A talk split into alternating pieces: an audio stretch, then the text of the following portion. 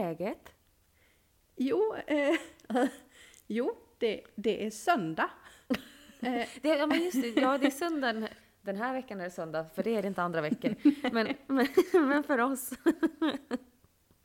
Det är jätte, alltså det känns, även om det är en liten justering att gå från måndag till söndag, så är det ganska stort ändå, känslomässigt. Mm. Det är skillnad ja. på en söndag och en måndag. Men också att en sönd den här söndagen är ju väldigt mycket söndag. Eh, I alla fall i Uppsala. Det är grått, det är blött, det är lite kallt. Det är liksom som att hela, hela Uppsala bara tänker nej, vi går och lägger oss igen. Ja, men och så har man ju också ställt om tiden innan. Förhoppningsvis för sista gången.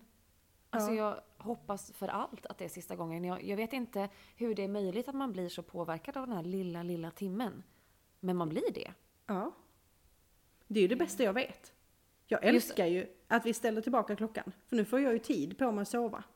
Ja, mm. eh, jag, jag, tar mig ju tid att sova i alla fall. Eh, men, men jag tänker att den enda premissen för att du ska få den här timman, det är ju att du har mixtrat med den en gång tidigare. Och ja. den timmen är inte kul. Jag märker ju inte av den på samma sätt. Medan... Fast du får ju en timma mindre sömn. Ja fast jag känner inte av det. Alltså som idag firade jag ju att det var eh, vintertid genom att vakna 6.40 pigg. Ja, mm. Det gjorde inte jag. Jag vaknar typ en hel arbetsdag efter dig. Ja. Mm. Å andra sidan har jag ju knappt lagt mig när du vaknar. Nej, nej jag tillhör ju eh, eh, jag tillhör ju de som går och lägger sig lite tidigt. Mm. Eh, jag tycker att 21.30 det är en rimlig tid att gå och lägga sig när man har varit vaken sent. Mm. Och jag är en sån som börjar leva någonstans vid tio på kvällen. Då börjar, då börjar, vet du vad jag har gjort faktiskt? Nej. Eh, på tal om att vara igång sent på kvällen. Jag fick för mig att jag skulle göra ett pepparkakshus nu i år, mm. för det var länge sedan. Mm. Eh, men jag vill inte göra vilket som helst. Jag vill inte bara slänga ihop ett så vanligt, köpa Nej. en mall i affären och vara tråkig. Nej. Mm -mm. Så jag har skapat mig en egen liten mall. Jag ska bygga ett, eh, ett pepparkakshus som ser ut som ett eh, thailändskt buddhisttempel. Ja! Ja! Eh, jag har ju gjort, eh, inte ett pepparkakshus, men jag har ju byggt ett sockerhus eh, som ser ut som Turning Torso för några år sedan. Alltså med sockerbitar? ja, och lite annat grejs. Som jag, Så himla kul. Det var, det, var, det var kul. Det var, det var väldigt mycket sockerbitar. Ja, det kan jag tänka mig. Mycket socker för ingenting. Eh, egentligen. För det är ju ingen ja. jävel som vill äta ett sockerhus. Nej. Alltså det är bara jätteäckligt. Alltså pepparkakshus finns det ändå någon form av rimlig, eh, att man skulle kunna vilja äta det. Ja, man vill ju äta de delarna med godis och kristyr på i alla fall. Mm. Alternativt lyckas bända av godiset. Ja. Det är också ett alternativ. Och bryta av, bryta av istapparna från kristyren. Ja, ja exakt. Så egentligen pepparkakan i sig, det, det, är bara ett nödvändigt ont. Ja, det ska mest vara där. Ja, jag tänker att det är lite som bröd i förhållande till eh, pålägg. Det bara är mm. där för att du inte ska bara ta pålägg i handen och moffa in i ansiktet. Så, mm. så tänker jag. Men mm. Eh, för att inte svara på din fråga som jag har gjort utan gått runt den som en liten katt. Eh, min, min vecka har varit eh, lång eh, och i, anledningen till att vi spelar in idag det är för att jag ska åka till Malmö imorgon. Jag ska ju då på språkresa i, till sydkusten. För att bättra på min dialekt. Och min hårfärg. Uh, för jag litar inte på frisörer uh, som är vem som helst. Uh, utan det måste ju vara frisörer som jag har låtit ta hand om mitt hår länge. Så därför går jag bara till en specifik frisör. Hon råkar vara i Malmö. Ja. Men, minns du, förra veckan så sa jag så här att jag har besökt en domkyrka. Och då mm. var jag i Strängnäs domkyrka och veckan innan det var jag i Uppsala domkyrka. Mm. Och då tänker du så här, ja men det finns ju inte fler domkyrkor på riktigt nära håll Tarja, så det här kan du ha knäckt. Och jag var knäckt för att jag tänkte att jag hade missat min lilla kyrko, eh, domkyrkestreak. Och sen inser jag när jag kollade igenom mina Snapchat story-minnen i morse mm. att för exakt två år sedan idag så var jag i Visby domkyrka.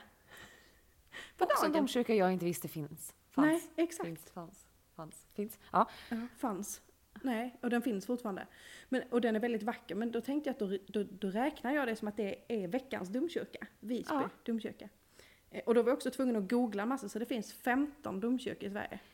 15 stycken. Okej, och vi, jag har hunnit verka, eller se typ då, Linköping mm. och Lund. Jag tror inte jag har sett någon annan. Du kan lägga till Uppsala, Strängnäs, Gotland, eh, yes. Visby.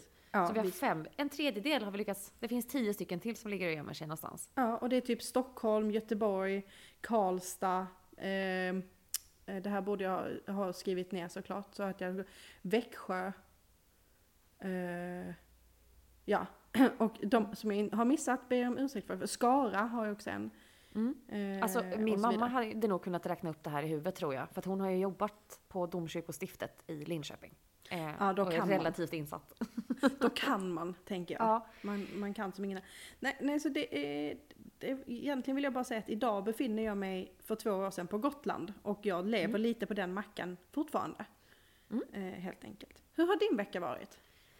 Eh, min vecka har varit, alltså sen, senaste veckan som hände. Senaste händelsen i veckan. Lördag kväll. eh, Ja.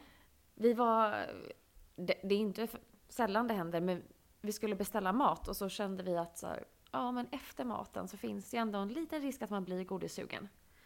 Eh, så vi bestämde oss för att gå till närbutiken som ligger bara på andra sidan huset. Eh, och så går vi ut på gatan och det första vi möts av är två stycken stora piketbussar, polispikéer. Och ja, eh, jag bor ju inte i någon förort i Stockholm så det är inte så ofta man ser poliser här. Eh, utan det är, man reagerar när man ser poliser. Så säger jag skämtsamt så här, eller nej, jag vet inte ens om det är skämtsamt. Det är kanske bara jättemycket bitterhet, förutfattade meningar och lite manshat. Eh, så sa jag så här, två piketbussar i det här området, ja, statistiskt sett är det hustrumisshandel. Eh, ja! För vi, alltså vi bor i ett ganska rikt område. Mm. Eh, majoriteten svenskar. Mm. Och då finns mina författade meningar mycket alkohol och mycket eh, ja, som händer bakom stängda dörrar. För det får ju inte synas på, på, på fasaden liksom, av Mm. förhållandet. Så hinner vi gå kanske tio steg innan två poliser kommer och möter oss och stannar oss. Och frågar Mm. vart ifrån vi kommer, vilken, eh, vilken trappuppgång vi bor i och om vi har hört eh, skrik. Mhm. För då har de fått Mm. larm eh, om att det är någonstans ifrån det hörs ett ordentligt skrik. Alltså mycket. Mm. Och vi har inte hört någonting eh, överhuvudtaget så vi kan inte hjälpa dem. Men så vi gick. Och sen när vi kom Mm. in, eh, så sa vi, eller vi skulle gå tillbaka så tog vi eh, och gick andra hållet. För vi kan gå in från båda hållen. Så vi gick in från, från gården istället. Mm. Och när vi kom den vägen så stod det två andra poliser där. Mm. Eh, som höll koll mot grann, grannportens byggnad liksom. Eh, och kom och frågade samma sak. Har ni hört någonting? Har ni hört några skrik? Eh, men jag hade suttit i vardagsrummet och förmodligen har det inte hörts så mycket på den här sidan. Och min sambo satt med hörlurar för det var El Clasico igår. Mm. Eh, så, att, så att vi hade inte hört någonting. Men, men ja, det var, våran lördagkväll var två pikéer och sen blir man ju så himla nyfiken. Även Men om jag- det är mörkt. ja. Men så jag tänker också, och det här är ju, det här är kanske ännu mörkare. Men antingen, nej det här är, det här är jätteorimligt, men så, två piketbussar, Mm. vem är det som har slagits egentligen? Alltså så, Mm. så här, för att om det nu, låt oss nu gissa och vara fördomsfulla och gå upp i vår fördomsfullhet. Att det nu är liksom en, nu målar jag upp en, en random bild, det har ingenting med mina fördomar att göra. En småflintig, småfet, alkoholiserad man i medelåldern som har slagit på sin eh, fågellika eh, hustru som är kuvad sedan 15 år tillbaka. Mm. Och jag har inga fördomar, jag bara tar en, en bara helt ur luften taget. Statistiskt exempel. Ja, knappt det. Det är bara ur luften taget. Ingen, inga fördomar som syrar igenom den här personen. Absolut inte. Men, men låt oss nu säga då att det är då, han kanske heter Busse eller Arne eller någonting sånt här. Till exempel. Han kan också heta Kai. Eller någon annat namn eh, som finns. Men hur i hela skogen kan det behövas två piketbussar för att få Kai, Arne eller Busse eller annat namn att eh, glida? Alltså jag tänker det måste vara någonting annat. Jag förstår fördomen i att det, det är en, en eh, eh, någon form av domestic violence utifrån skrik i hem. Så Mm. gissar man ju att det är, är det det handlar om. Men, men, men för att skicka två piketbussar, nu, eller, nu kommer jag ju från Malmö, två piketbussar det innebär ju att det finns vapen, mycket vapen. Och gärna mycket människor som är döda i högar. Då skickar man mycket piket. Men Eller jag tror jag- de var sex poliser. Eh, Ja. Som jag såg sen lite senare. Mm. Jag Ja det kanske är, samtidigt tänker jag att är det så att det är två in och ut, alltså två portar som ska täckas. Du ska täcka gatan. Då Mm. behöver det kanske vara så pass mycket också. Alltså, så, jag Det är tre utgångar från våran byggnad. Ja, Och så, jag är ju inte, eh, jag är inte polis. Men min spontana, om du ska ring, alltså, åka på ett lägenhetslarm så känns det som att det är väldigt mycket att skicka dubbla pikéer. Det känns som att det är någonting mer i storyn som, Mm. som inte kommer fram. Eh, Och sen, som sagt, man vet inte. Men eh, Jag tänker också så här, Uber. Du vet när man ringer efter Mm. en Uber, eller eh, appar i vägen. Mm. Det, jag tänker om det är den närmsta bilen som kommer. Att de bara råkade vara nära. Att det inte fanns en liten vanlig bil i närheten. Ja, nu... Eh, vet inte hur det funkar med deras bilfördelning. så, fara för liv, då, går, då är det ju när, närmast, gissar jag. Och är Mm. det så att det, att det rings in, eh, att grannar ringer in att det låter som att det, någonting kommer gå åt skogen. Mm. Då gissar jag att man larmar det som fara för liv. Och då gissar jag att det är alla man på däck. Mm. Gissningsvis. Men, Mm. och samtidigt hade jag, hade jag varit den som skrek så hade jag velat att det var precis då så de agerat. Mm. Ehm, tänker jag. Mm. Jag har ju precis streckkollat igenom, du vet på Viaplay så lägger de ju upp i huvudet på en mördare och i, i svenska fall och, eller brott eller vad fasen det nu heter. Alla de här har kommit en ny säsong. Jag har redan sett, jag har ju plöjt sönder dem. Det tog ju ett par timmar och sen var det klart. Eh, så att jag känner att jag är nästan polis nu. Mm. Jag är ju absolut utredare, det är inget snack. Mm. Nej. Eh, och troligtvis även psykolog. Eh, men jag har ju inte jobbat mig upp till psykiatriker än. Men Nej. jag är semi. Så jag, semi-vetenskapsman är jag. Jag tycker det är så fantastiskt med det här, den mörka delen av människan. Det är ju Mm. intressant. Det är så Ja. fruktansvärt intressant med true crime. Och det är Mm. väl därför, alltså jag märkte ju här ute på gatan hur alla stannade, alla som var ute Mm. med hundar, deras hundar var väldigt kissnödiga just vid träden mitt emot porten. Just det, Eh, det var där det ungarna- kissades. Ja. Jajamän, ungarna som Mm. hängde på gården hängde helt plötsligt liksom lite, ja men lite på andra sidan vägen för att hålla koll på poliserna. Mm. Eh, jag vet inte hur det slutade. Jag såg bara att de åkte iväg i en jäkla fart sen. Eh, Så att jag har ingen aning. Men Nej. förutom polisdrama på gatan så har jag faktiskt Mm. haft en intervju också den här veckan. Ja. Eh, en... Eh, ja. En intervju som... Eh, jag, jag sa ju förra veckan så här, åh, skulle man, egentligen, skulle man tagit med sig samtalskort egentligen? Hade det varit en kul grej? Eh, nu kan jag säga med facit i hand säga att det är jättesvårt tror jag som intervjuobjekt att få in sina frågor i och med att, alltså så här, att lägga fram, jo jag tänkte att du kunde fråga mig det här, det blir så konstigt. Eh, men just den här intervjun som jag var på, eh, så hade de faktiskt förberett just annorlunda frågor som inte hade någonting med jobbet att göra. Mm. Eh, det passade mig, jag tyckte det var jättekul. Eh, jag är super, super, super nervös. Ehm, Men vad frågar de? de frågade, nu ska vi se här, av de frågorna som var annorlunda så Mm. var det om du hade varit ett djur, vilket djur hade du varit då? Svarade du björn? Nej. Vill du inte sova hela vintern? Eh, jo, en del, en del av mig vill det. Ehm, men jag svarade faktiskt uggla. För att du vill sitta och hoa och du är uppvaken på natten? Jag är vaken på natten. Jag är verkligen en natt, nattuggla. Mm. Eh, men framförallt friheten. Alltså att du, du kan gå om du vill, du kan flyga om du vill. Relativt ohotad som, som eh, uggla ju. De har inte Mm. jättemånga fiender här i världen. Ehm, och sen tänker jag att världen måste vara så jäkla vacker uppifrån. Mm. Alltså, ja. Eh, men, men eh, återkommer till det. De frågade också vad jag var mest stolt över. Det var den svåraste frågan man kan ge en människa som jag. I och med att jag inte tar så mycket stolthet i det jag gör själv. Som, Mm. som du vet. Mm. Äsch, det var väl inget.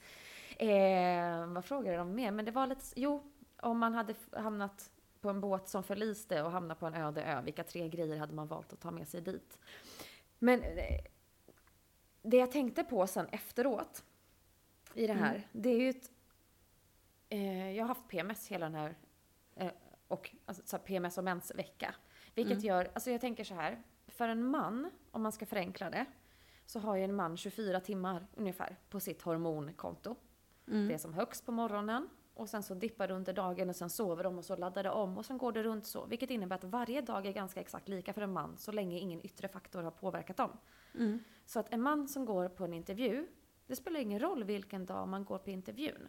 Nej. För en kvinna så har man 28 dagar alltså ungefär lika, om, vi, om vi rundar av neråt då till att vi skulle ha 24 dagar, så skulle varje dag för oss motsvara en timme. Fast förutom då att vi sover ju, de sover ju bort åtta timmar, så vi kanske till och med skulle säga att varje halvtimme för oss representerar en dag i en mans liv.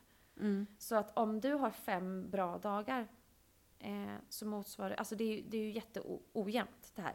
Och det satt jag och tänkte på för att eh, i och med PMS och mens och sådär så är ju de här hormonerna som gör att du känner dig stark och modig och framåt och liksom självkänslan, de är ju totalt obefintliga. Du har ju Mm. liksom inte dem. Ja, utan du är ju bara eh, själv, självtvivel, eh, nere, ledsen, allting är tungt, känslan av att allting har gått åt helvete.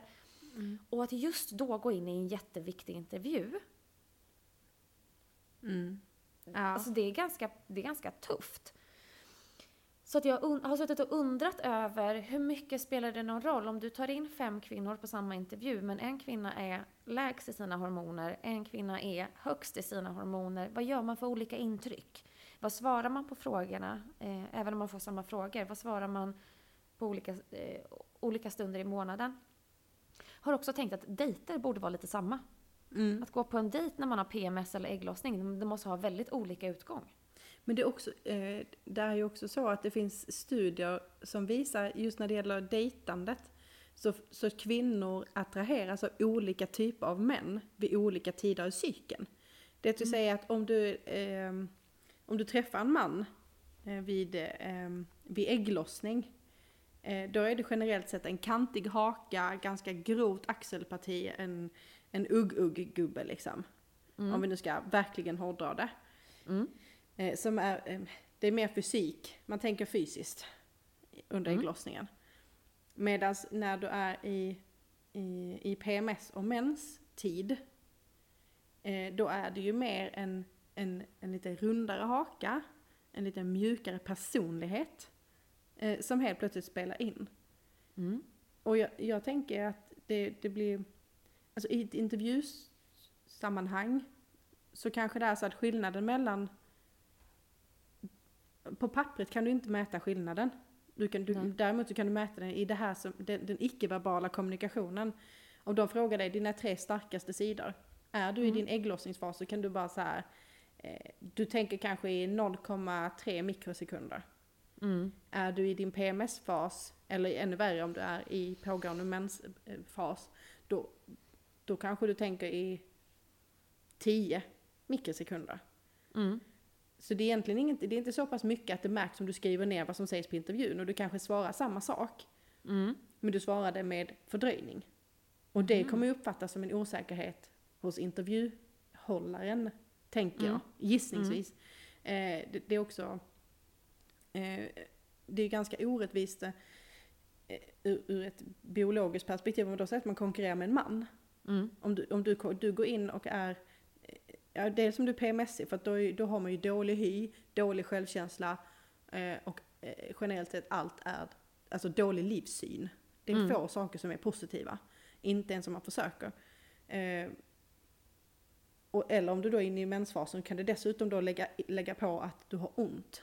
Alltså Mm. att man kan sitta och ha ont så att man går av på mitten och samtidigt så ska du vara ditt bästa jag och du ska prestera och, och leverera någonting som gör att de vill träffa dig igen. Precis. Eh, och då, då skulle jag tänka att vi skulle kunna jämföra det, det här är en hård jämförelse, jag vet det. Men Mm. låt oss säga att eh, om du ska, even the playing field. Så kommer du dit och du har mens och du har ont och du mår skit. Då jämför vi då det med att mannen, han får inte duscha innan. Och sen så s- precis innan han går in så får han en pungspark. Bara precis två sekunder innan. Bara så en riktig jävel.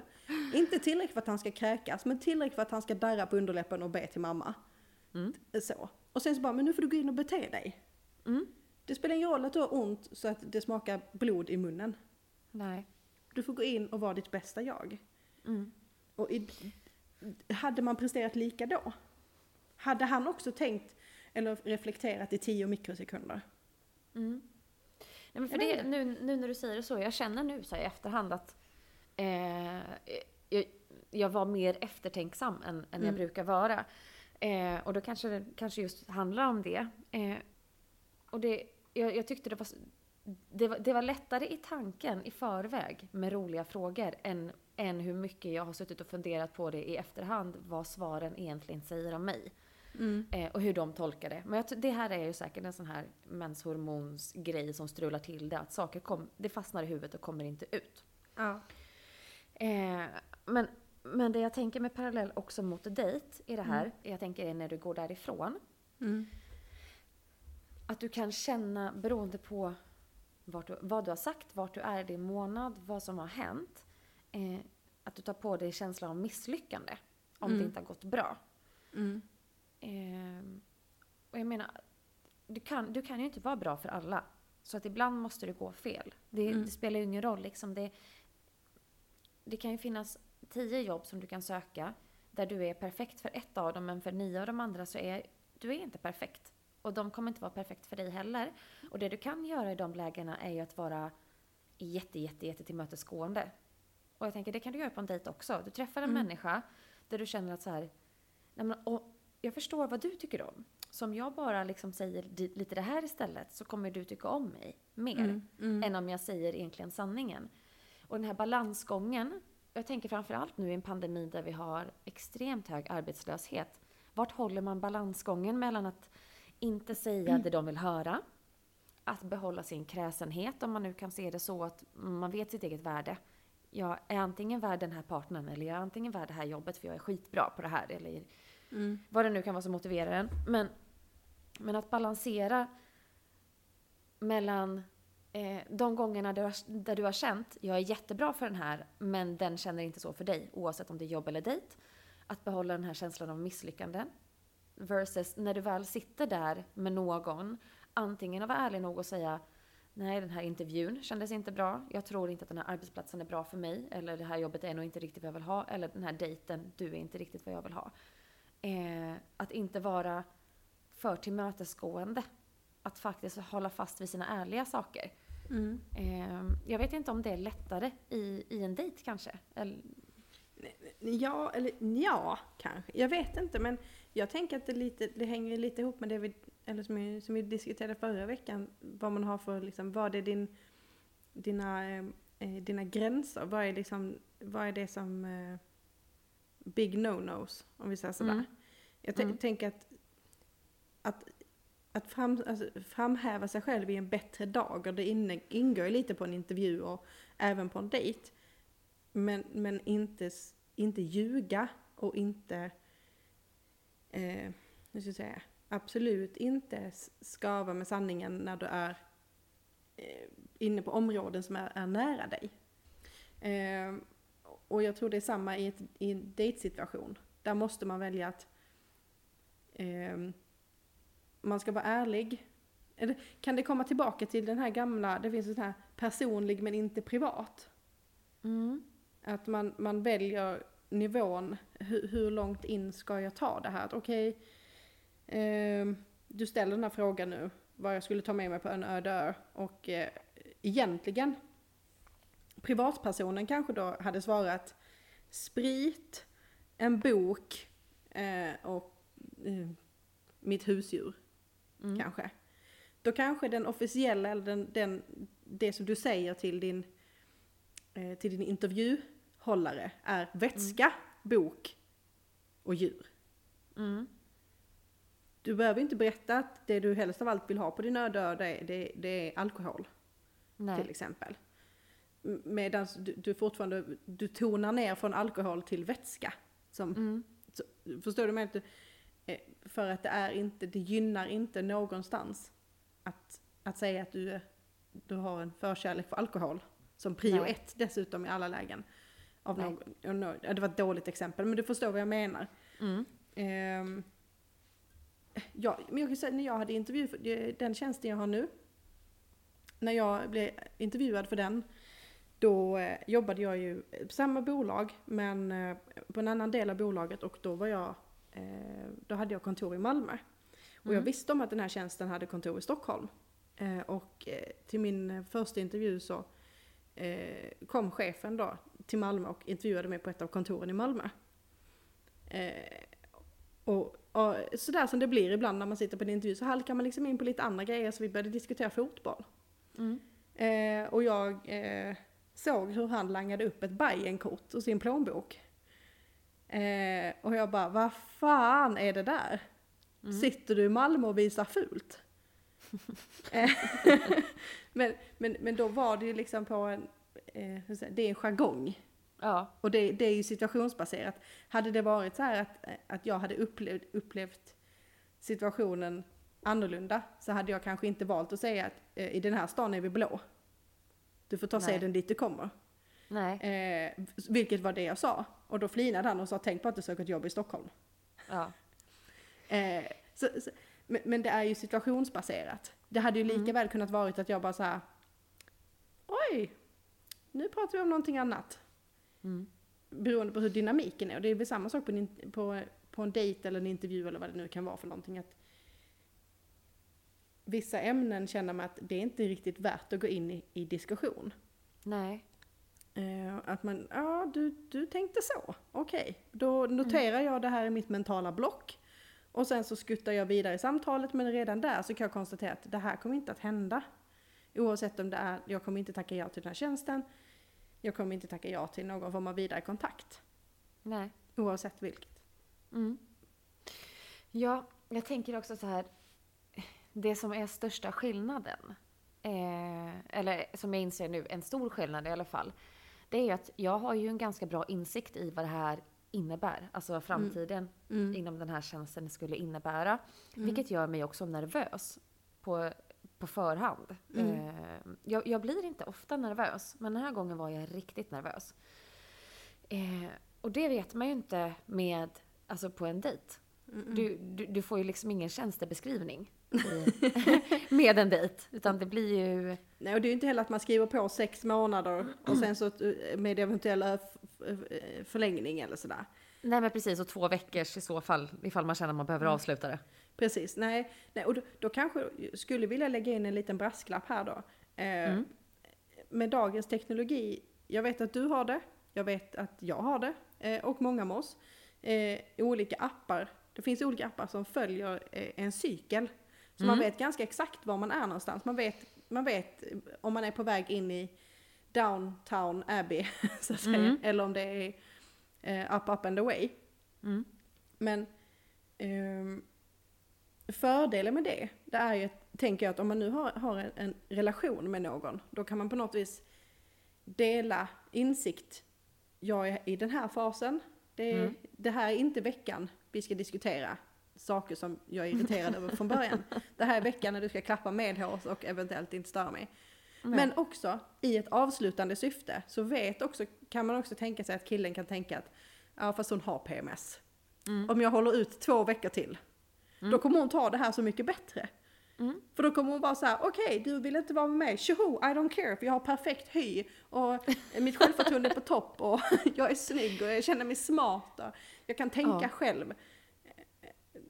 Ja, och det ramlar inte Om- ut saker ur mig. Nej men precis. Och meningen Har du PMS eller? Den kommer Ja. aldrig uppskattas oavsett med eller utan. Det är Nej, bara... nej, Det, det är ingenting man styr över. Det är bara livet suger ibland.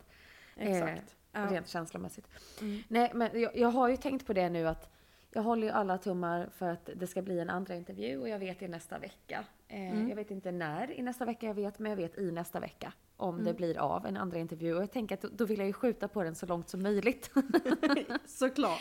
Så den du- kommer ja. när allt det här skiten är förbi. Så att, ja. men framförallt det här självtvivlet som kommer med det här, den här låga Mm. självkänslan som kommer med PMS. Eh, eller, Men jag Ja. tror också att du, jag tror du har fått det dubbelt just vid det här Mm. tillfället av den enkla anledningen för att som du sa så sa du så här, jag blir inte nervös särskilt ofta men den här gången blev jag väldigt nervös. Varför Mm. blir man nervös? Vad är det som framkallar känslan av nervositet? Känslomässigt engagemang. mm. Det är när man bryr sig. Du vet, Mm. om någon säger så här till mig, du, eh, de, eh, de har ändrat sig numera kommer det bara ut, eh, kommer det bara delas ut post i Haparanda var, varannan tisdag. Jaha. Det var, ju, det var ju tråkigt för dem. För att det är, jag har inget känslomässigt engagemang. Jag kan ha någon form av så här allmänt att ja det är ju lite, det känns ju märkligt om de delar ut post varannan vecka när man bara har en vecka på sig att hämta ut ett paket Mm. jag kan, så jag kan ha en logisk koppling till det, Mm. men det är ingen känslomässig koppling. Men om du däremot hade sagt så här, ja Tarja, beroende på hur du presterar här nästa vecka så kommer det ligga till grund för din löneökning som du ska få om två veckor. Mm. Då får jag handsvett. då, då blir det jobbigt. Oh, Eh, ja, och- och då- ja, känner- sant. Så här, och, och är det nu så att dels är det en tjänst som jag har uppfattat att du vill ha. Det är en tjänst som du vet vad det innebär. Det gör att helt plötsligt så kommer det, ehm, det läggs på känslomässiga parametrar. I kombination med att du känner dig bokstavligt talat dränerad. Som man gör när man har PMS och mensångest. Så det blir, som en, förstår det blir dubbelt tyngd. För dels så tvivlar du på att du kan, att, att du säger att du gör alla de här grejerna. Mm. Och sa jag rätt, och sa jag verkligen det? Och hur uppfattade de det? Och tänk så tänkte de alla, allt det där. Mm. Eh, samtidigt som du redan från början går in med det här, och det här vill jag. Det här kan jag. Det här skulle vara kul. Det här skulle jag prestera i. Så du, du, just, just kombinationen av eh, känslomässigt engagemang som skapar nervositet och som i sig skapar en osäkerhet. För att man vill. Man vill så himla gärna. Det, det är väl samma som kan hända när man är på en dejt och man känner att det här kändes bra. Mm. Men vad kände han? Vad tyckte han? Lever jag upp till hans förväntningar? Var jag, alltså, förstår, den typen av nervositet. Eh, innan du- man kan veta. Mm. Ja. Har du någonsin varit på en speed date? Ehm, inte som, Alltså, eh, det var inte in- sagt in- från början att det var det. Nej, alltså jag, jag, nu, nu när jag säger det, jag har ju ändå lite koll på ditt, ditt dejtförflutna. Och jag vet Mm. att vissa, vissa dejter har blivit korta, och det är inte så jag menar. Utan jag menar redan på förhand bestämd speed date. För det vill Ehm. jag också lägga till att just den här intervjun Mm. var på förhand annonserad som en speed date. Mhm. Vilket alltså vis, jag visste om att det var max 30 minuter. Mm. Eh, och någonstans hade ju min hjärna också ställt in mig på att snabba svar, för det här ska gå fort. Mm. Eh, mm. Och då tänkte jag bara, är det likadant? Om, om du vet att du går på en speed date, är du lite stressad i tanken över att, eh, att du ska leverera snabbt? Eh, Jag har inte varit på en speeddate. Jag, jag vet jag såg för något år sedan, jag minns inte om det kanske var två år sedan eller någonting. Så var jag och eh, min, min eh, vapendragare i livet Malin, vi var i Göteborg. Och då hade de någon sån här, eh, på hotellet, eh, så hade de någon sån här stor eh, anslagstavla eller man ska säga, där det stod att de skulle ha då en öppen speeddate-kväll. Och jag bara, åh, kan vi inte gå? Och Malin bara, nej. Nej, nej, nej, nej, nej, nej, nej, nej, nej, det kommer inte hända. Glöm det, nu går vi och gör någonting annat. Så vi gick och gjorde någonting annat. Eh, det är det närmaste jag har kommit en speed date. Eh, men jag känner också att jag hade, det finns en potentiell risk att jag hade blivit irriterad. För att som jag har förstått det, som, det har jag ju som sagt inte varit på speed date, men som jag har förstått det så får man ju då ett x antal minuter per liksom, person och sen ska man flytta runt i någon jävla konstellation. Jag vet inte exakt hur det funkar. Nej. Men då tänker jag, tänk om det nu är så att den första personen, han, han, han berättar eh, någonting som jag finner är ointressant och då är det som att sitta och vänta på att färg ska torka. Kan de här fyra minuterna bara någonsin ta slut? Ja. Eh, och sen så pluppar man vidare till nästa, och som är så normalt, bara, men vad heter du, vad gör du, har det så trevligt och har det gött, hej, och så har det gått fyra minuter till. Och sen kommer man till person nummer tre och man bara inser, ha, detta här är den heliga graalen. Ja. Den här killen vill jag ju prata med eh, tills jag dör. Och så får jag bara klippa av det efter fyra minuter. Då hade jag blivit så här, du, jag tar dina fyra minuter också, du kan hoppa till nästa gubbe. Ha det gött. Men- Jag vet inte hur det funkar, får man gå ur? Får man liksom säga att vi vill sluta nu? Ja, men det känns som att det där är själva essensen av det vad man vill få ut av en, eh, av en speed date. Alltså att, att den där känslan, då vet du vem du ska gå och prata med när det är färdigt. Alltså är det, jag efter, är det liksom Ja. ett efter, för det har jag inte fattat att det är ett efter. Nej, det, det kanske jag inte är. hur- Jag har ingen Jag- aning. Jag vet Jag bara inte. tänker så här, om jag, om jag träffar tio personer snabbt Mm. och så känner jag nummer tre, nummer sju och nummer nio. Där Mm. fanns det någonting. Resten var bara nej. Men Mm. nummer sju var speciellt sådär att åh, det där vill jag veta mer om. Mm. En psykopat kommer ju vara skitduktig på, på speed date. Mm. Ja. Alltså det, det är det också. Det, åh, vad jag tycker det är svårt. För det är så mycket som spelar in. Jag vet liksom inte. Nej, jag kan inte riktigt... ehm, Nej, jag vet inte. Jag, man måste ju på något vis förbereda sig mycket mer för en sån dejt. För att är det så att du säger någonting som är lite, ja, alltså jag, jag, jag har ju kort väg mellan min hjärna och min mun. Vilket Mm. gör att det, det ibland halkar ut saker utan att jag har kontrollerat att det är vettigt. Det bara flyger ut liksom. eh, och det är väldigt svårt att ta tillbaka. Det är väldigt få som, som kör på att man bara och säger att man har tagit tillbaka det. Eh, Mm. och, men då är man på en vanlig dejt så kanske man på något vis kan liksom släta över det eller skicka in någon förklaring eller någonting. Men är det på en Mm. speed date då är det ju done. Och då tänker jag att då Mm. måste man ju nästan öva in någon form av eh, speech. Alltså Mm. det, det ska man ju bli ihågkommen. Mm. Inte verka galen. Eh, ändå lite kul, kanske. Mm. Och intressant. Mm. Då kan ju inte, jag menar så här, den oförberedda bara, jag heter Terje, jag jobbar inom IT, bor i Uppsala, är från Malmö. Vet, man bara, ja, och nu vill jag gå och lägga mig och sova för det var sämsta Mm. godnattsagan i världshistorien. Mm. Då får man kanske bungee så här, eh, jag önskar att jag hade hoppat bungee jump när jag var i Afrika 2014, men det gjorde jag inte. Nej. Och sen, vad fan ska jag följa upp det med? För det är inte ens sant. Jag skulle ju aldrig hoppa bungee jump, och fan inte i Afrika. Nej men alltså. Nej, men det, det är ju exakt där, det är ju någonstans där jag fastnar också i själva, i, i mina eftertankar. I, i så här, vad, varför, var- varför sa jag inte så, varför borde jag, eller vad borde jag ha sagt, bla bla bla bla bla. För det är det här med att jag tror både du och jag, vi har den här li, lilla ådran av att vi ser oss själva som ganska komiska och roliga. Och då vill man också leverera lite roliga svar. Så när man har levererat ett tråkigt svar så känner man Att man misslyckades. misslyckades så brutalt. Fick man noll skratt på liksom ett helt möte, då är det så här.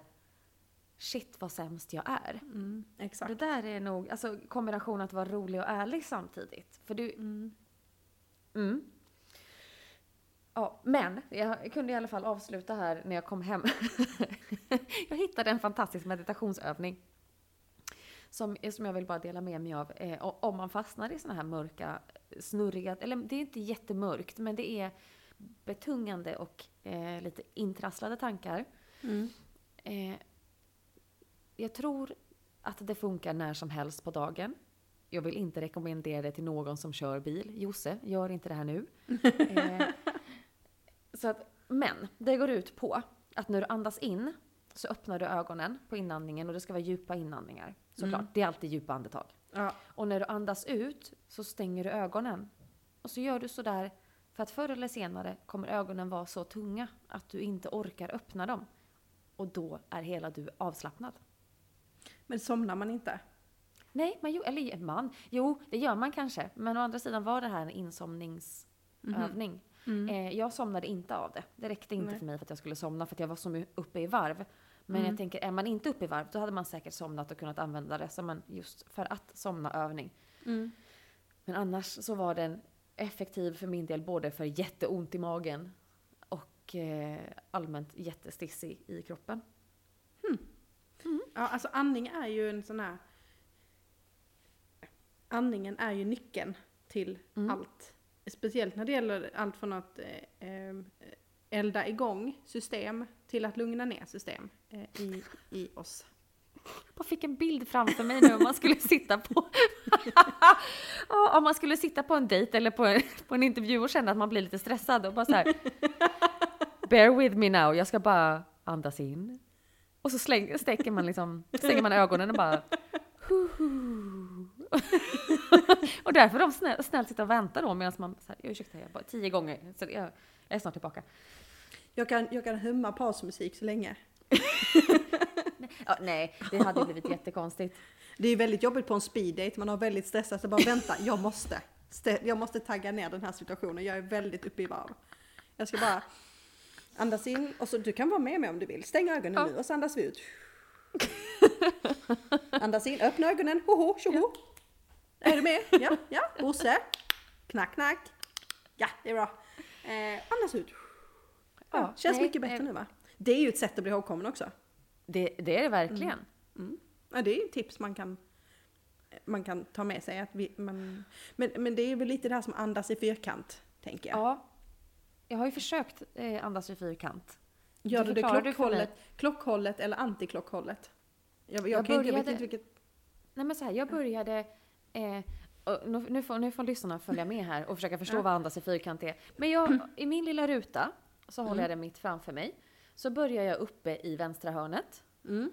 Och så andas jag in och då bara slidar man över till höger. Och andas ut, då slidar jag ner till höger. höger. Mm. In till nedre vänster och ut till, eh, upp tillbaka till där jag startade. Mm. Men, men du förstår att det här är så avancerat för mig eh, och jag är lite utav en perfektionist när det kommer till vinklar och vrår. Att jag kan bli distra- distraherad av mig själv över hur perfekt min fyrkant måste vara som jag hoppar runt i. Alltså jag måste hålla raka linjer. Jag förstår, jag förstår. Eh, Vilket också gör att dina andetag måste vara lika långa. För att annars, ja, annars blir, annars blir det liksom en, en skev fyrkant. Du, och det det- går ju inte. Man kan ju också, jag, en annan andningsövning, eh, om det ska vara sådär. Eh, jag, när jag var liten så hade jag astma. Eh, och sen så, så växte jag ifrån den astman och sen så började jag röka. Och sen när jag slutade röka så fick jag astma igen. Så det var lite cirkeln är sluten. Så att min nästa steg är att jag ska börja röka igen. Så kanske det försvinner. Exakt. Ja, Vi ja får nej, se men jag hur det går. Nej, och, logiken.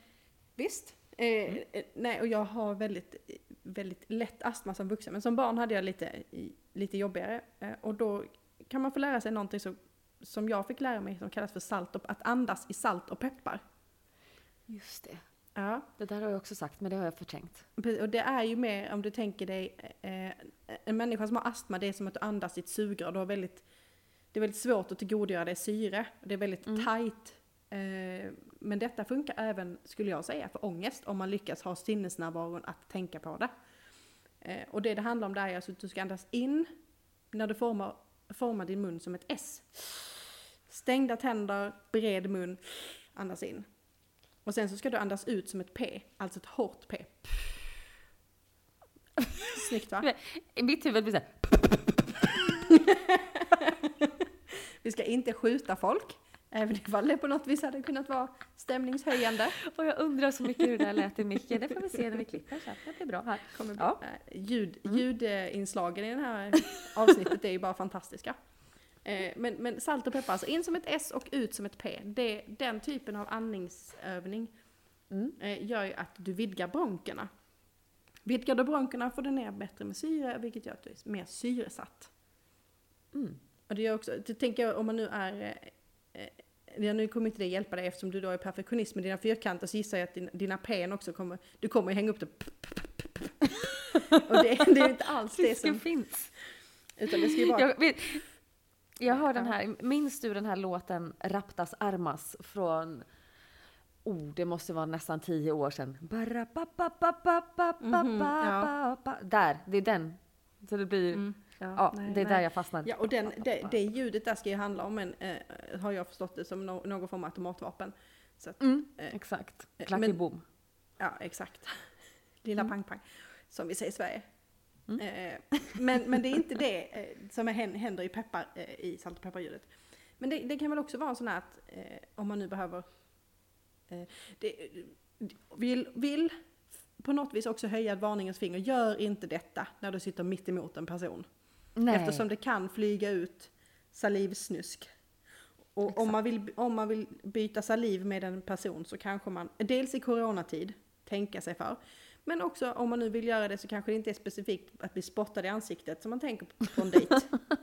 Eh, jag vet inte, men det, alla har ju olika preferenser men spontant är det kanske inte den man hade valt. Eller jag hade inte valt den som en första alternativ.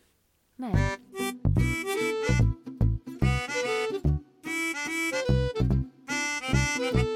Salt och pippar. Ja, pipa. Pipa? Det, det, det där lät som skånska då. Ja, vad är det? Vad är det jag hör? Eh, ja, du är ju ursäktad. Du är ju, Ja. Jag undrar om inte, om jag hade haft mandat så kanske jag hade utsett dig till hedersskåning. Du vet sånt som man, man kan bli hedersdoktor om man uh, har den fallenheten. Men, men kanske skulle du kunna vara en hedersskåning. Mm, det hade jag jättegärna. Jag, det är nästan så jag skulle vilja skriva till det på, som, som utmärkelse på LinkedIn. Utnämnd till hedersskåning sedan 2020. Ja. Vi kan bakåtdatera också, det är helt okej.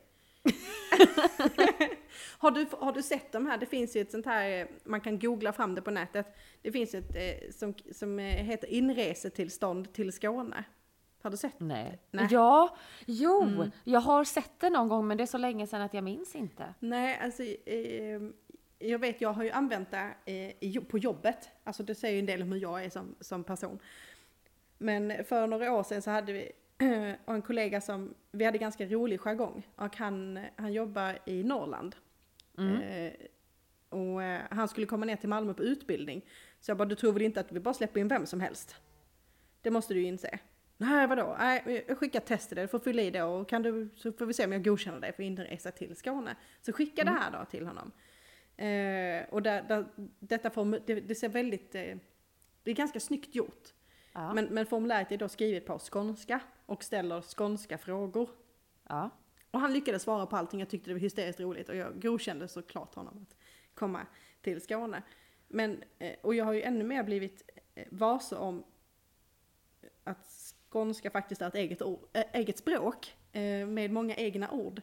Eh, Och innebörden av ord eh, sen jag har flyttat från Skåne. För att bor du i Skåne så är det väldigt lätt då. ehm, då förstår ju alla dig från början. Det är inget konstigt. Om jag, säger, om jag skulle säga till exempel ett litet vanligt ord. Om jag skulle säga till dig att jag grinade igår. Vad skulle du säga att jag gjorde då? Alltså för mig är det ju att du har gråtit. Mm. Ja, eller så har jag skrattat. Grina på skånska är ju att skratta. Men det kan också vara gråta. Det kan Ja. vara, men generellt sett så är det grina. Jag grinar, jag grinar gott, då skrattar jag mycket. Till exempel. Det kan ju skapa lite, alltså så här, om jag då, nu har det inte hänt och jag använder det specifikt, inte just grina i, personligen. Men- om jag nu hade gjort det och kommit till jobbet och bara, "Ah, jag satt och grinade hela dagen eh, igår framför datorn. Du vet, folk hade ju bara, Vad hände? men vännen, är det Ja, hänt någonting? Bara, nej, vadå? det är jättekul, jag har ont i magen liksom, låt mig vara. Eh, så jag tänker att, att det är fel på alla andra. det är min, eh, och lite samma sak kände jag förra året, eh, när det var, klockan slog eh, 10.58. Eh, det var kanske en tisdag. Och för de som inte känner till vad 10.58 i Stockholm innebär så är det alltså lunchtid. Det är då, och då har Jörgen varit hungrig sedan 10.15. Jörgen var min, är min närmsta kollega. Då har han börjat äta vid 10.05. Vad ska vi äta för någonting? Men där 10.58 då kan han inte hålla sig. Då har han tagit på jackan och står och stampar och tittar på den. Vi ska äta nu! Eh, och dagen till ära så skulle vi då äta någonting som, som han då förklarade att vi skulle, eller han frågade om vi skulle ta en tunnbrödsrulle. Mm. Ja, och då tittade jag lite skeptiskt på honom och bara nej, jag föredrar varm mat, säger jag då. Ja. Och han bara ja, det är det. Och jag bara nej, det är det inte. eh, och eh, då har jag ju insett och insåg den dagen att eh, för mig, fick jag förklara för honom, jag bara en tunnbrödsrulle det är nå- någonting eh, där du har ost typ i. Mm. En sån här, eh, eh, ja vad ska man säga, en, eh, en sån här polarbrödsmacka med ost som du rullar. Ehm, det är det ju inte. Nej. Nej, eh, här uppe i Norrland. Utan här, för då börjar han ju skratta, han bara nej nej det är med korv och mos. Jaha, sa jag då och var lite skeptisk. Så att vi gled till den lokala grillen och jag var mycket skeptisk. För att det- du vet, det är uppenbarligen så finns det ju människor som har räksallad i det här. Ja, alltså nu, Och nu alla pratar vi möjliga med en människa som hatar korv. Alltså i Ja. alla dess former. Ja. Så jag, jag, jag är inte insatt i världen. Men, men om du hade frågat mig vad en tunnbrödsrulle är. Så hade jag sagt sån du köper på korvmojen. Mm, ja, exakt. Eh, Mm. Det finns ju inte att köpa, giss, eller sist jag var i Skåne så fanns det inte att köpa någonting som heter tunnbrödsrulle på en korvmoj. Men det Nej, är för alltså, ni har french hotdog istället. Nej det är inte samma sak. Men det är ju samma koncept liksom. En grej du trycker ner grejer i och har en korv i mitten. Ja men typ en, nej, men en hotdog, det är, det är ju bara ett hotdogbröd med en korv i. En tunnbrödsrulle, det är ju, det är ju som en lång jätte, jättemacka. Så de klickar i massa mos och så lägger de i lök och allt de hittar och lite till. Tryck i så här korv och sen rullar de ihop det till någon, det ser ut som en, som en tjock kebab. Fast i korv i mitten, alltså det ser jättesnuskigt ut.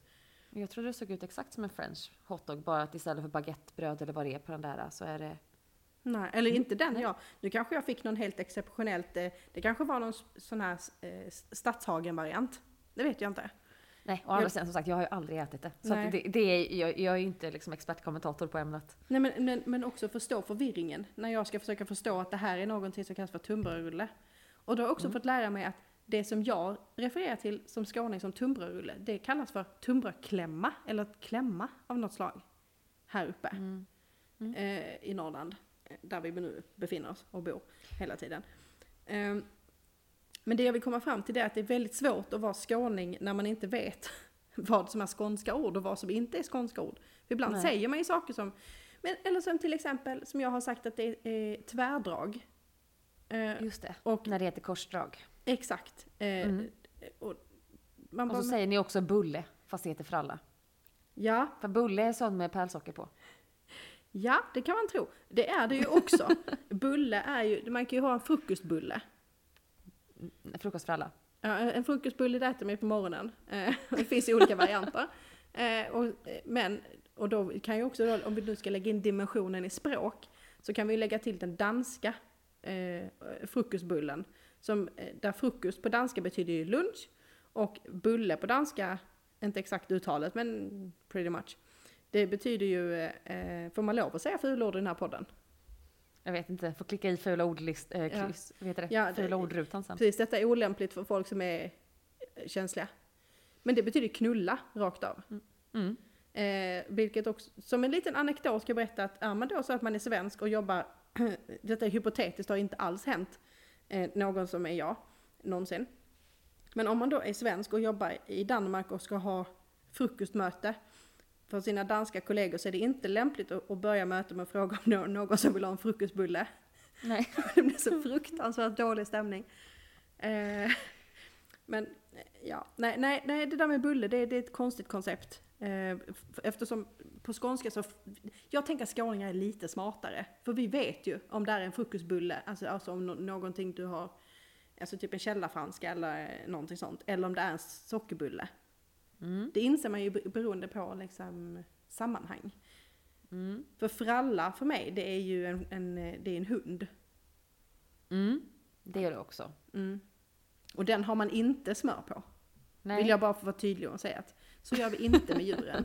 Det är inte okej. Men, men samtidigt så, så, så tänker jag att jag, jag känner att jag är lite bitter idag. Det är ju trots allt en riktig söndag och det är första dagen på vintertid så det är väl okej att, att någonstans trycka ner stämningen helt och tjoa. Ja. Och säga att saker som, när man ändå är igång med det här svensk, eh, skånsk eh, diskussionen. Så vill Mm. jag också bara slå ett slag för alla oss skåningar som lever i exil i Norrland. Att det är vissa saker som man är trött på att höra. Mm. Till exempel att bli kallad för dansk. Mm. Nu vet jag att det är fattigt i Norrland. Och att uppenbart så har inte svenska skolor uppdaterat sina böcker sedan 1658. Men låt mig påtala att 1658, det var året när Skåne blev svenskt. Mm. Tro det eller ej. Eh, och sen har vi hela diskussionen med att gräva loss Skåne. Mm. Eh, jag vill säga att det finns en skånsk rörelse för detta också. Det gör det. De Ja. gräver lite varje år va, vid Hallandsåsen? Ja, det, eh, ja, precis. Alltså det, nej, inte behandlas så, eller det kanske finns flera, men jag vet att det I finns några som, med. de, de gräver ju längs med småländska gränsen och då samlas alltså, det är alltså två föreningar, den skånska som vill ha ett independent Skåne och den svenska som vill ha in- att Skåne inte ska tillhöra Sverige, som samlas tillsammans och gräver eh, typ så här fem meter om året eller någonting sånt där. Jag har tänkt varje gång jag har hört någon säga det här, och framförallt när jag bodde nere i Skåne, så Mm. tänkte jag på det, för jag, det är ju, till och med jag fick ju höra, alltså det räcker med att bara bo där. Eh, jag, det är inte en gång jag har hört det, jag tycker också det är ganska drygt. Eh, men jag, jag brukade ju alltid säga, eh, trumfkortet var ju så här, gräv loss Skåne ni, men vi behåller Zlatan. I så fall. Ja, nu Eh, gäller inte det längre. Men nu gäller inte det längre. Nej. så det, eh, jag vet inte vad man ska säga om det, men, men det är ganska drygt. Ja, alltså det... Så här, det kan vara kul. Men, men jag tror att det där problemet, och det är kanske egentligen med alla skämt eller sådär, det är att då måste alla parter vara överens om när det slutar vara roligt. Mm. Typ efter 3594 gånger, då är det Ja. inte lika kul längre. Exakt. exakt. Det är lite sån här, men eh, du kanske ska prata svenska? Man bara, Mm. mm. Du skulle höra mig när jag tar, tar i på skånska. Mm. Då, då. Gör mig lite mer irriterad så kommer du få höra urskåningen i mig. Mm. Eh, och du, kan, du kommer inte förstå ett ord, men känslan. Känslan kommer gå fram tydligt. Mm. Eh, helt enkelt. Så, nu, nu nu känner jag att jag har varit, bara spytt ut galla. Eh, men det är ganska kul att bo i Norrland. Jag lär mig saker. Eh, min, jag, jag tränar ju med PT eh, varannan vecka. Och hon har himla roligt åt det här, att hon har ju snappat upp, hon bara Idag ska vi träna dina skånska ballar! så, att, så att hon vet om att det finns två ballar, eh, och Ja. högerballe och vänsterballe. Eh, det finns ju gånger när, när det finns ju slang, nu, specifikt nu kommer jag inte på någonting, men jag vet eh, min kollega sa någonting för, för några dagar sedan och jag bara så här, undrar vad det betyder. jag undrar vad han sa nu. På svenska eller på skånska? Nej, nej, skånska hade jag nog lyckats finurla ut, men det här var ju något svenskt eh, ord, antar jag. Eller någon, det kanske var lokalt eh, från hans huvud, vem vet. Eh, men jag, och det är svårt också eftersom jag inte minns vilket ord det var. Men eh, det jag också vill ha sagt i allt mitt gnällande om, det är att jag tycker det är fantastiskt kul. Jag tycker det är så jävla roligt med språk och eh, dialekter och höra olika tankar om det. Så länge det inte kommer tillbaka till de här, eh, ja men, du är dansk. Man bara, nej, nej jag är ju inte det. Nej. Eh, även om jag dricker öl. Men det Ja. gör ju svenska också. Mm, onekligen.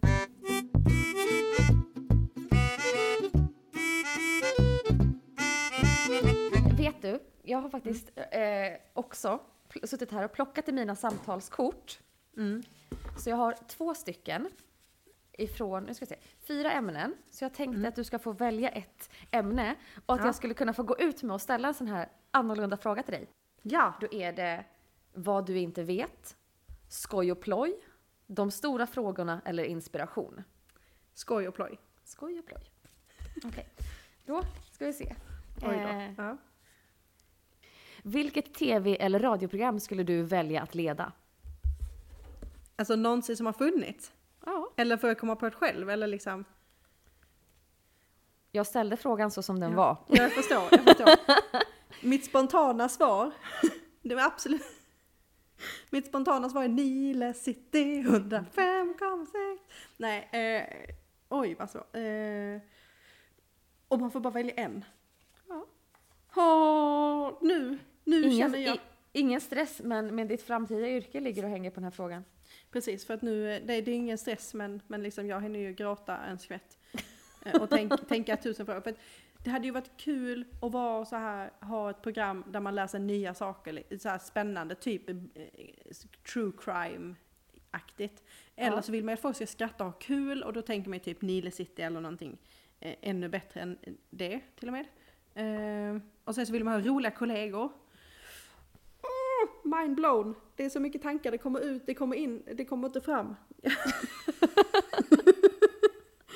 och med den här reaktionen vill jag också bara säga att det här är högst olämpligt för mig att ta med mig detta på en intervju. Ja. Jag kan inte alls. Eh, nej, jag... Eh, ja, ja! Pass!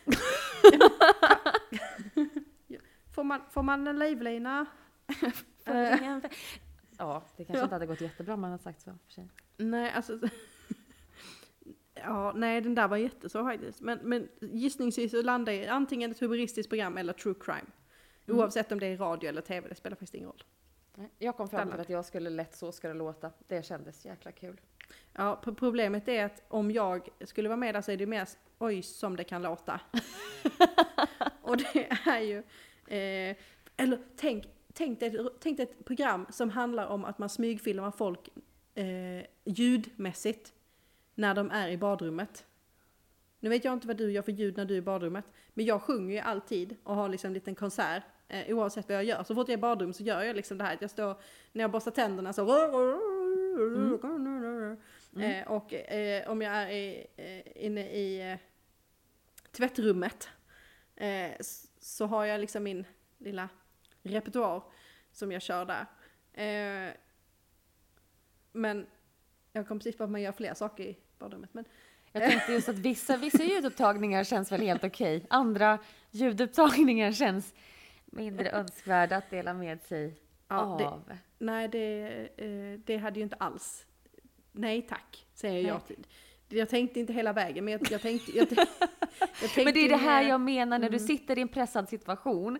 Speciellt när ditt drömjobb hänger på, på slutlinjen och bara så här, här, säg ditt bästa svar. Det var ju fruktansvärt rolig idé innan jag satt i, i situationen in- Ja, själv. just det. Ja, det är klart. Ja. Mycket Oj. roligare att utsätta andra för. Men det kanske vi ska ha som ett eh, återkommande, eh, så här, veckans fråga. Mm. Veckans Bara ångestfråga. Ja, bara random. Eh, ja, det, om ingenting annat så skapar det lite tankar i huvudet som är Mm. bra. Vi, vi kanske lämnar det så helt enkelt. Att eh, Ja. de här roliga frågorna är roliga tills man ska försöka vara smart och ärlig samtidigt för då blir det jätte, jätte, jätte svårt. Exakt. Mm. Eh, det, det, det är bättre att vara rolig med de som redan känner en, kanske. Det kanske är det. Det kanske är det. Eller spontan på det sättet. Eller så får, jag kanske ska göra så här från och med nu att jag går och drar en fråga till mig själv eh, som jag får så här 10 sekunder på mig att svara och sen så eh, får jag utvärdera. Kan, man kanske kan bli bättre på sånt. Vi Ja. märker. Eh, Ja. Förhoppningsvis vet vi ner, mer nästa vecka. Jag tänker att alla kan hålla lite tummar. Eh, Ja. Det gör vi. och- ja. Men vi, vi hörs om en vecka. Det gör vi. Ha det så bra. Ha det bra. Hej hej! Hej!